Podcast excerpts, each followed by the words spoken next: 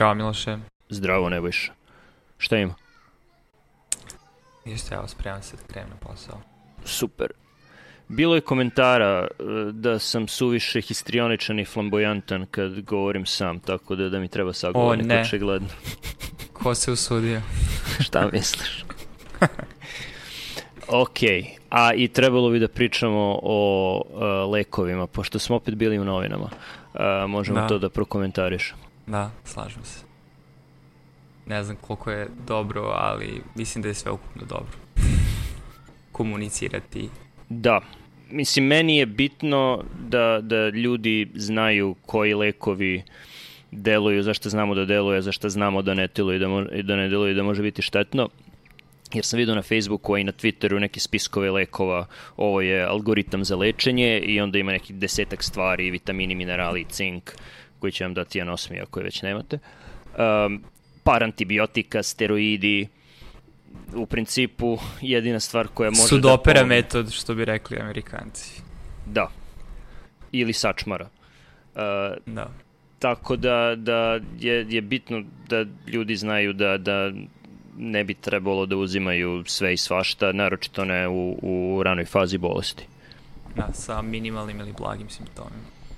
Da, u principu, po onome što se sada zna, uh, na osnovu dve velike randomizirane studije, postoje lekovi koji pomažu, koji smanjuju smrtnost.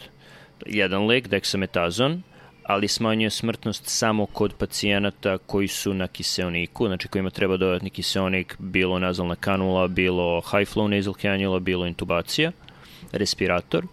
Um, dakle, ako ti ljudi dobiju dexametazon, koji su na kiseoniku, smanj, manje, manje umiru. E, Dakle, to je bila randomizirana studija u, u Ujedinjenom kraljevstvu, Recovery studija, koja ima nekoliko grana, ruku, ogranaka. Uh, jedno je bilo poređenje onih koji su dobijali dexametazon, mislim da je 6 mg dnevno 5 dana, dakle ne neka Jeste, ogromna doza. I to su uporedili sa onima koji nisu primali dexametazon i nisu primali ništa od ovih drugih lekova koji su bili u ostalim granama, što je jako bitno. I oni koji su primali dexametazon su manje umirali od onih koji nisu. I brže su, brže su izlazili iz bolnice, tako da je to, to je dobro. Ali samo oni koji su bili na kiselniku, kojima je trebao dodatni kiselnik, i to je bilo unapred. Da, i samo da mislim da, jer ono često kod interpretacije kliničkih studija, pogotovo kada se stvari provlače kroz medije, um, jako se lako ulazi u crno-belo razmišljanje, u smislu da je nešto ili apsolutno dobro ili apsolutno loše. Stvarnost je uvek malo subtilnija, tako da kada pričamo o snižavanju mortaliteta, to podrazumeva kod ljudi dakle, koji su ozbiljno boleli, gde je, recimo, u slučaju mehaničke ventilacije, mortalitet barem u ovoj studiji bio 40% bez intervencije, a 30% sa intervencijom. Tako da za oko 30% se smanjiva mortalitet. Nije da su svi izlečeni i svi izašli iz bolnice. I dalje ozbiljno boleli, češće umiru, samo što uz dexametazon je manje verovatnoće da se to desi. Da. I još jedna bitna subtilnost je još jedno poređenje koje je unapred bilo preodređeno, pre, preodređeno u protokolu. Bilo je e, da se vidi kako prolaze pacijenti koji nisu na dodatnom kiselniku, jer su i takvi bili randomizirani i oni su u stvari češće imali težu kliničku sliku ako su dobijali dexametazon. Tako da je to jako bitna razlika da dexametazon, a verovatno možemo pretpostaviti i ostali steroidni lekovi, uključujući prednizon, um, pogoršavaju kliničku sliku kod onih koji ili imaju potencijal da pogoršaju kliničku sliku kod onih koji nisu teško oboleli. Dakle, steroidi nisu nešto što bi trebalo lekari opšte prakse da propisuju ljudima koji su u klinici diagnostikovani uh, sa COVID-19 ili za koje se sumnja da imaju COVID-19 pa ih onda pošalju kući. To definitivno ne treba raditi. Da. Da li želiš da prokomentarišeš s druge ruke ove studije koje su trenutno aktivne? Da, pa jednu bih neaktivno prokomentarisao, dakle jedna je bila dexametazon. Druga grupa je bilo pola pacijenata dobijaju hidroksihlorokvin plus azitromicin, dakle ta dva zajedno, a jedna grupa ne dobija ni steroide, ni hidroksihlorokvin, ni ništa od ovih drugih lekova koje ćemo spomenuti.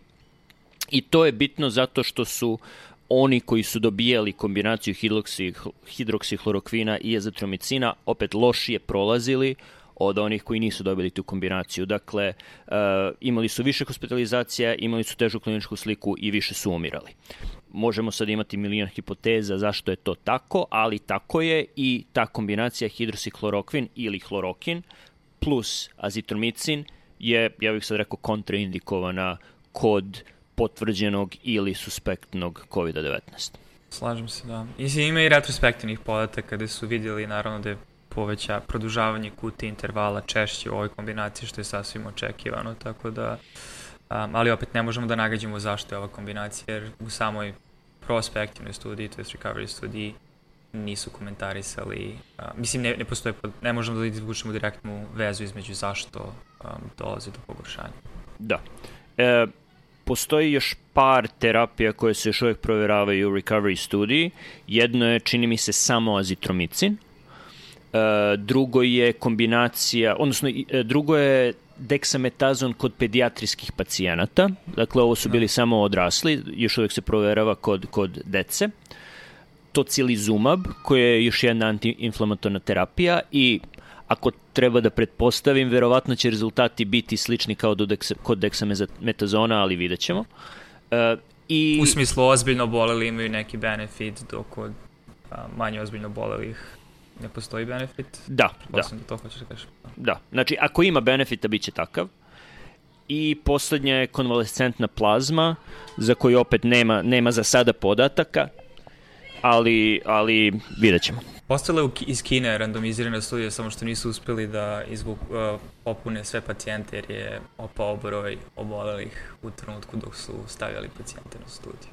Pričaš, Ali, pričaš o konvalescentnoj plazmi? Da, da, da. Da, postoji ta studija koja je, mislim, ne bih rekao potpuno neupotrebljiva, ali prekinuli da. su je rano jer nisu imali dovoljno pacijenata. Postoji još jedna iz Holandije koja je takođe bila randomizirana, a, ali je ona prekinuta rano jer su ustanovili da preko 70% pacijenata kojima su želi da daju plazmu već ima visok titar neutrališićih antitela. A u protokolu su imali da takvi pacijenti ne dobijaju uh, konvalescentnu plazmu, tako da, da su i oni prekinuli studiju rano. Tako da mi polako opada verovatnoća da, da konvalescentna plazma pomaže, ali vidjet ćemo šta, šta recovery kaže. Da, i isto, barem u kontekstu potencijalne primjene, ono što je bilo bitno u dizajnu svih tih studija, baš to što si rekao, to je da mora da postoji određen titer antitela. Dakle, ne može samo da se uzme plazma nekoga koja je preležao COVID, će mora da se uspostavi da su ta neutrališća antitela u dovoljno velikoj koncentraciji da u stvari mogu da dovedu do potencijalne kliničke koristi.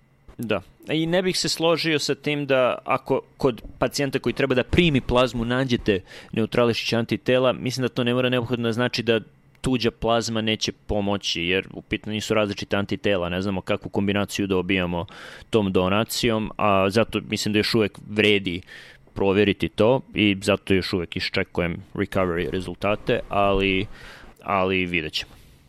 Dakle, to što se tiče recovery i za sada možemo reći jedine odlično dizajnirane studije sa rezultatima koji zaista pokazuju neki benefit drugi lek koji takođe ima dokazao benefitu, kliničkom benefitu je remdesivir. Da, remdesivir je, uh, za razliku od eksametazona koji smanjuje upalu, inflamaciju, um, remdesivir bi trebalo da, da reaguje direktno na, na integraciju virusa, odnosno na penetraciju virusa u ćeliju, tako da je antiviralni lek i on je izučavan u Americi, dakle NIAID studija, Nacionalni institut za alergiju i infektivne bolesti, je sponzorisao multicentričnu randomiziranu studiju, e, čiji primarni ishod nije bila smrtnost, već malo komplikovan skor gde pacijenti koji leže u bolnici dobijaju skor 4, 5 ili 6, oni koji su vam bolnici ili nemaju simptome dobiju skor 1, 2 ili 3 i onda je ishod bio koliko će brzo da se iz te 4, 5, 6 kategorije pacijent uh, doći do kategorije 1, 2, 3. I oni Što nije mnogo drugačije od dizajna studije koji smo diskutovali ranije uh, na podcastu. Da, od one kineske studije, da, i u početku je e, dizajn bio skoro identičan, ishod je bio skoro identičan oni iz Kine, gledali su prosečan skor e, na 15 dana od početka terapije kakav je kod jedne grupe i kod druge grupe, ali su onda shvatili da e, tog bolesti može biti produžen, tako da taj presek u vremenu nije najbolji ishod i zato su promenili i videli i, i promenili su to koji je procenat ljudi kojima opadne skor. To, to je bilo to menjanje ishoda u toku samog protokola, ali bila bi pozitivna studija i da su, i da su prethodni primarni ishod zadržali. Tako da, da sa te strane je okej. Okay. Ono što neki ljudi zameruje što su, kada su videli da postoji e, značajna razlika u primarnom ishodu, prekinuli su studiju, kontrolnoj grupi su dali remdesivir, e, tako da u konačnoj analizi nije bilo statistički značajne razlike u smrtnosti, e, ali to nije bio primarni ishod i oni bi rekli da ne bi bilo etički nastaviti tim ljudima da, da ljude zadržati u placebo grupi kada znamo da remdesivir ima, ima neki benefit. Tako da su brzo prešli na drugu studiju koja čini mi se treba da poredi baricitinib i remdesivir sa kontrolnom grupom. Baricitinib je jedan uh, jak in, jack inhibitor koji, koji u teoriji smanjuje inflamaciju, dakle antiinflamatorni lek. A, samo da zaokružim, a, što se tiče, mislim, ishoda ove studije, dakle, kada se, kada se definiše primarni ishod u studiji, to je nešto što istraživači definišu pre početka same studije i to je a, potencijalna razlika koju žele da pokažu, to je hipoteza koju žele da a, dokažu ili opovrgnu. A, I ova studija, i primjerni ishod za ovu studiju je upravo to, znači nije bilo smenjenje smrtnosti, nego vreme do kliničkog poboljšanja, što se gradira na toj skali. Tako da, iako je studija pokazala da ljudi koji primjer remdesivir brže dođu do kliničkog poboljšanja, baš to što si ti rekao, počeli su kontrolne grupe da daju remdesivir, tako da više nije moglo da se vrši poređenje po pitanju da li to smanjuje i smrtnost. Možemo da pretpostavimo da smanjuje, jer logično je, tako brže se poboljša klinička slika da će, su i manje šanse da ćeš umreti, ali za to nemamo čvrste dokaze sada. Da, aj, aj u situaciji kada je jedna od glavnih zabrinutosti preopterećenja zdravstvenog sistema, ni smanjenje dužine hospitalizacije nije tako loš ishod. Ako možete pacijenta brže da iz bolnice dojedete kući kako biste dobili nove pacijente sa, sa COVID-om. Tako da je to sasvim ok ishod. Uh, tako da sada postoje dva leka sa potvrđenim benefitom u COVID-19 za oba leka benefit je samo kod teško obolelih. Dakle, kod remdesivira studija je bila samo na teško obolelima, e, samo na, kod, kod hospitalizovanih, tako da još uvek ne postoji terapija, koju bi, terapija za koju znamo da deluje, a koja nije paracetamol ili brufen ili aspirin za smanjenje temperature, uh, koji bismo dali nekome ko se leči kod kuće.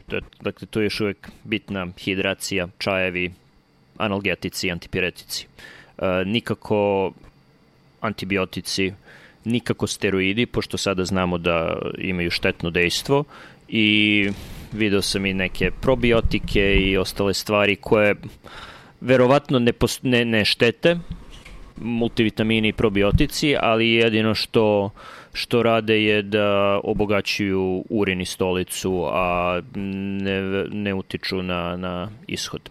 Slažem se. Postoji još, ne, e, još par stvari koje htjela kažem, ne tiče se direktno same terapije, već više opet fokusiranje na ljude koji ili nisu dobili COVID ili koji, um, su ga, koji imaju, ali imaju blažu kliničku sliku. Mislim da od svih intervencija koji radimo na globalnom nivou i na, i na, i na ličnom nivou, a, smanjivanja, to je sprečavanje, širenje dalje zaraze je verovatno najbitnije od svih stvari. A, tako da nastavljanje sa socijalnim distanciranjem, a, koliko je to moguće i nošenje maski u zatvornim prostorijama su nešto za šta a, sve više imamo dokaza da radi. U smislu da zemlje koje imaju kulturu nošenja maski ili su bile vrlo agresivne inicijalno po pitanju praćenja i izolovanja slučajeva, a su one zemlje koje imaju najmanji mortalitet i potencijalno one zemlje koje sad više ni nemaju nove slučaje kao Novi Zeland. Da, ili Vijetnam koji ima nula slučajeva, nula autohtonih slučajeva i nula umrlih od COVID-19, iako se nalaze mnogo bliže mnogo Kini. Mnogo su bliže Kini. da. Ako se od nekoga primaju saveti, ne bi bilo loše pitati Vijetnamce šta to rade, a druge zemlje ne rade, naročito zemlje Evropske unije, cele Evrope i Severne Amerike. Da imaju tako dobre ishode.